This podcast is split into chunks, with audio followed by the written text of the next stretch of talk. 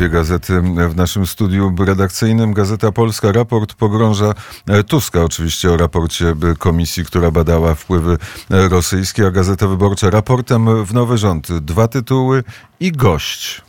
A naszym gościem profesor Żurawski, Przemysław Żurawski-Welgrajewski, już odwołany, ale przez parę miesięcy osoba, która pracowała w tej komisji. Dzień dobry panie profesorze. Dzień dobry, dzień dobry państwu. Pierwsze pytanie oczywiście o uzysk pracy. Co pana zaskoczyło? Jakie dokumenty były taką rzeczywiście nową wiedzą na temat polskich relacji z Rosją i wpływów rosyjskich nad Wisłą? No, przede wszystkim porozumienie z 2013 roku, jego skala i sposób procedowania.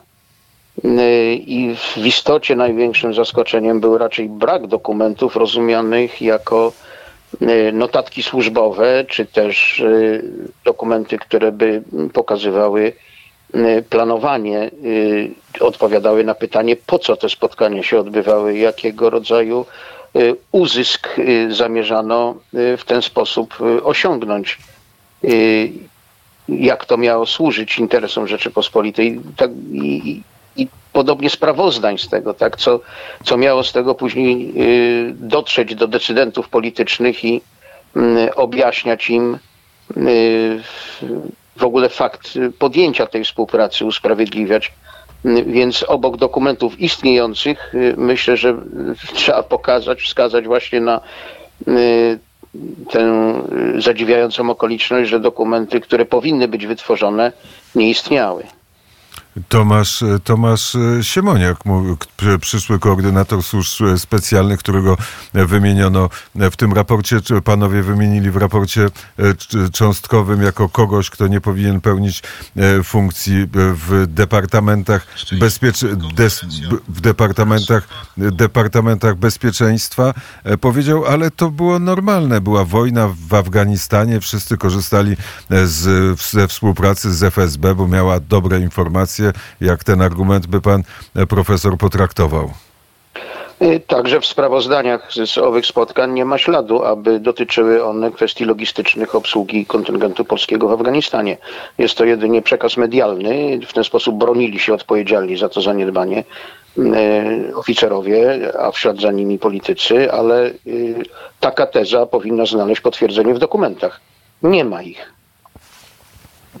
Nie ma tezy o o tych, o lobbyingu, o dokumentach, ale zastanawiam się, panie profesorze, które obszary najbardziej, bo jest tak, że komisja została szybko odwołana, szybko uznano, że skład tej komisji musi być usunięty, żeby ona przerwała pracę. Pytanie, dlaczego? Dlaczego to była jedna z pierwszych decyzji nowej sejmowej większości? Myślę, że kontynuowanie prac, bo przypomnę, że my byliśmy oczywiście świadomi tego, że czas, który mamy do dyspozycji jest bardzo ograniczony, a zatem gdybyśmy tego czasu mieli więcej, to kolejne obszary działalności państwowej, kolejne tematy, a zatem i kolejne osoby podlegałyby podobnemu zbadaniu i ocenie, co z, z ich działalności wynika. No i żeby przerwać ten proces, żeby uchronić własnych polityków od tego typu kompromitacji z punktu widzenia interesów tego obozu politycznego, który teraz przymierza się do przejęcia władzy, należało jak najszybciej ten proces przerwać. Trzeba było przerwać, żeby kolejne dane nie wyszły na jaw. Dlaczego kontrwywiad i, i, i ten obszar na pierwszy ogień prac komisji poszedł? Ponieważ mieliśmy świadomość szczupłości czasu, jakie mamy do dyspozycji, była to nasza świadoma decyzja, aby podjąć badania na tym obszarze, co do którego wiedzieliśmy, że istnieją dokumenty, wiedzieliśmy, gdzie one istnieją, że rozległość merytoryczna tego zagadnienia jest możliwa do ogarnięcia w czasie, który nam pozostał do dyspozycji.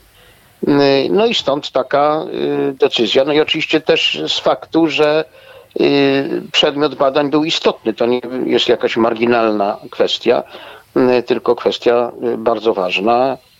A zatem jeszcze raz podkreślę, dostatecznie wąska, abyśmy byli w stanie ją zbadać w czasie, który mieliśmy do dyspozycji i dostatecznie ważna, aby wnioski z takiego badania były istotne.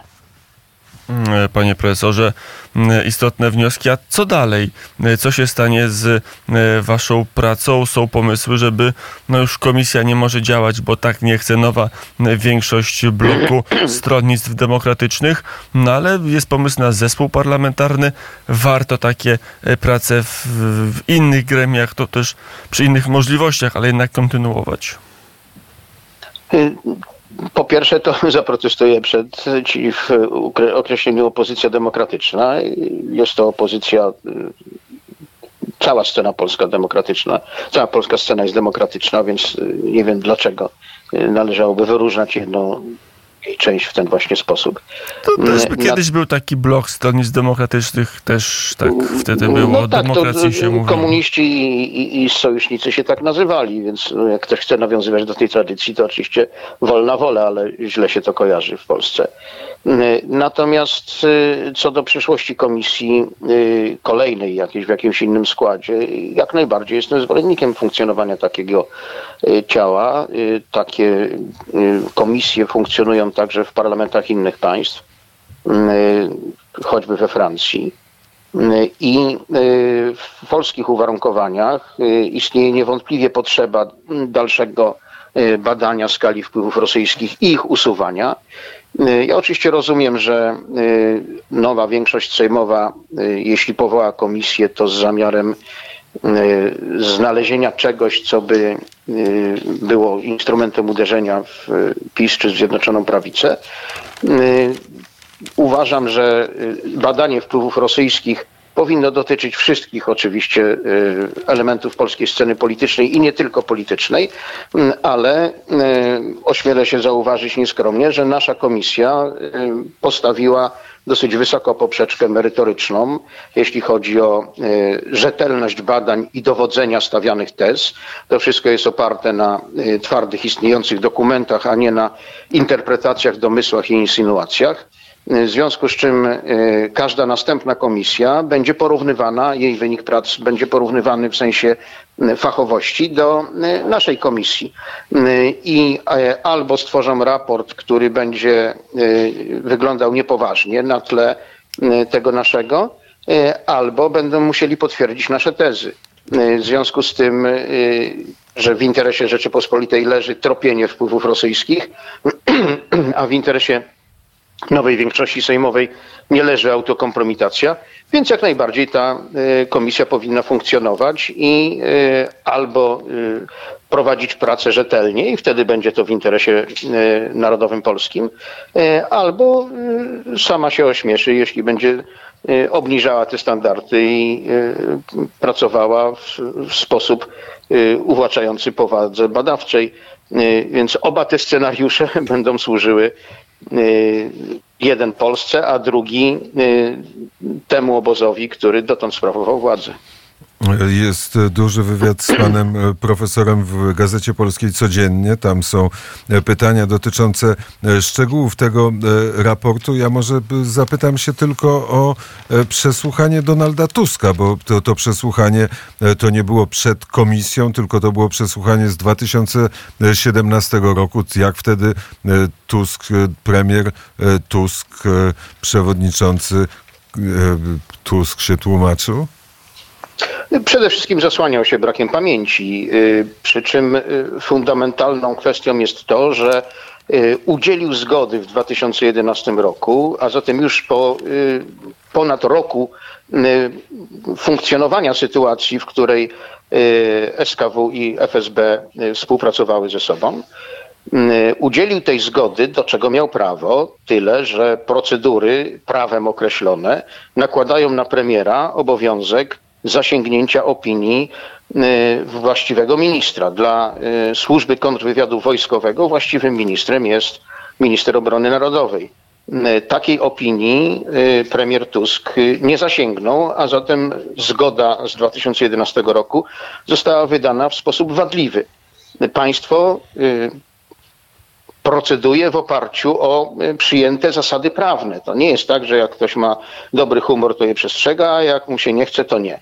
Y, Nieprzestrzeganie procedur rodzi skutki prawne, a także polityczne, jak widać, ujawnienie tego zaniedbania y, obowiązku, który ciążył na premierze, a także na ministrze obrony w zakresie nadzoru politycznego nad służbami jest dla nich obciążające. I to, na co odpowiadał premier w owym śledztwie przed prokuraturą, to była sytuacja, w której on w zasadzie bez przerwy powoływał się na brak pamięci, odsyłając pytających do istniejących dokumentów. No otóż te dokumenty właśnie potwierdzają, że nie dopełnił ciążących na nim obowiązków i zgodę wydał w sposób y, prawnie wadliwy. Ta zgoda y, była już później samodzielnie y, interpretowana w sposób poszerzający, wiodąc aż do porozumienia z 2013 roku między SKW a FSB, na co osobnej zgody nie było, wydanej w sposób uprawniony, czyli z dopełnieniem wszystkich procedur. Na dodatek, y, mając świadomość, że takie kontakty istnieją i otrzymując bardzo zdawkowe raporty, jeśli porównamy y, zakres y, informacji, sposób raportowania na temat kontaktów SKW z innymi służbami, nie z rosyjską, y, ze służbami sojuszniczymi czy zaprzyjaźnionymi, y, to te sprawozdania, ta dokumentacja również planowania i tak dalej jest obszerna. Natomiast na kierunku rosyjskim ona jest bardzo skąpa, co poświadcza tezę, że oficerowie za to odpowiedzialni konspirowali y, te kontakty przed zwierzchnikami politycznymi, ale zwierzchnicy polityczni nie domagali się, y, nie dopytywali się, nie żądali raportów, mając, a przynajmniej powinni mieć, gdyby się tym interesowali, obraz drastycznie odmiennej skali raportowania w tej sprawie i w innych. I to jest oczywiście również rzecz obciążająca, bo oni mieli obowiązek interesować się tym problemem. Na dodatek y, tezy, które są wstawiane y, do tych raportów y, jako usprawiedliwienie, o czym już chyba mówiliśmy, czyli że współpraca została podjęta, a to na początku z uwagi na śledztwo smoleńskie, później na kwestie logistyczne obsługi polskiego kontyngentu wojskowego w Afganistanie. Te tezy głoszone publicznie w mediach, kiedy sprawa wypłynęła, nie znajdują potwierdzenia w dokumentach. Y, w tych raportach czy y, planach nie ma niczego, co by świadczyło o tym, że kontakty dotyczyły właśnie owych publicznie wymienianych jako osłona zagadnień. A czym się zakończyło tamto śledztwo? To z 17 roku? Tak. No, nie przyniosło żadnych rezultatów, w tym sensie wniosków Y, karnosądowych, że się tak wyrażę. Y, I y, myślę, że stąd potrzeba powołania komisji. To jeszcze trzeba pamiętać o tym, że to na potrzeby prac naszej komisji duża część dokumentów, która została przez nas wykorzystana, a która do momentu naszych prac była tajna, została odtajniona. E, to też trzeba jeszcze brać pod uwagę tę okoliczność. E, niektóre były odtajnione z uwagi na upływ czasu, jakby z natury procedur, a niektóre na nasze wnioski. W związku z czym też ten obraz jest w tej chwili inny niż on był wówczas. Mm, to jeszcze mm, zapytam o wnioski komisji, rekomendacje. Mm, co się stanie, jeżeli pan prezydent tych rekomendacji przy nominacjach premierowskich czy ministerialnych nie uwzględni? Powinien uwzględnić. Pan profesor oczekuje, że jeżeli Donald Tusk uzyska wotum zaufania w drugim kroku konstytucyjnym w Sejmie, to, to co powinien prezydent zrobić? Y, uważam, że y, prezydent, którego rota przysięgi prezydenckiej zawiera zobowiązanie do y, dbania o bezpieczeństwo y, Rzeczypospolitej, y, także w kontekście świeżo przez nową większość sejmową wytworzonego obyczaju politycznego odmawiania prawa innym siłom politycznym do desygnowania na stanowiska, na które mają one prawo desygnować swoich przedstawicieli, tych przedstawicieli, których oni uważają za właściwych, myślę tutaj o marszałkach Sejmu i Senatu, ten obyczaj polityczny właśnie został wytworzony przez obecną większość sejmową. Skoro istnieje, to istnieje.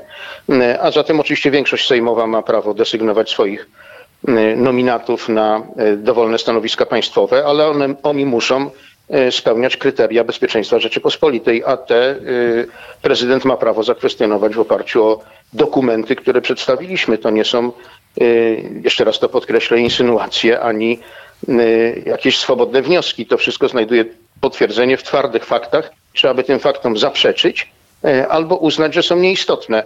Y, Nie da się tego zrobić. I o tym mówił profesor Przemysław Żurawski-Welgrajewski, członek Komisji Śledczej do spraw zbadania wpływów rosyjskich, mm, członek i pracownik tej komisji do, do ostatniej środy.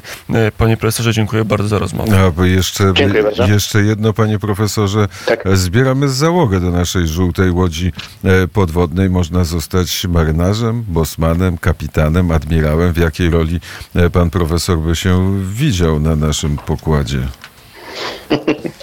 Jestem podporucznikiem rezerwy wojsk zmechanizowanych. Y, To raczej nie jest flota. Ale, ale na pokład i wojska zmechanizowane też się zmieszczą, bo to jest Jako, pojemny pokład. jako piechota morska i desant. Y, No cóż, nie mam żadnych doświadczeń jako podwodniak, w związku z czym wypada mi zaczynać od prostego marynarza. Zachęcamy do tego. patronite.pl, kośnik radio wnet. Bardzo serdecznie dziękujemy za rozmowę. Dziękuję bardzo.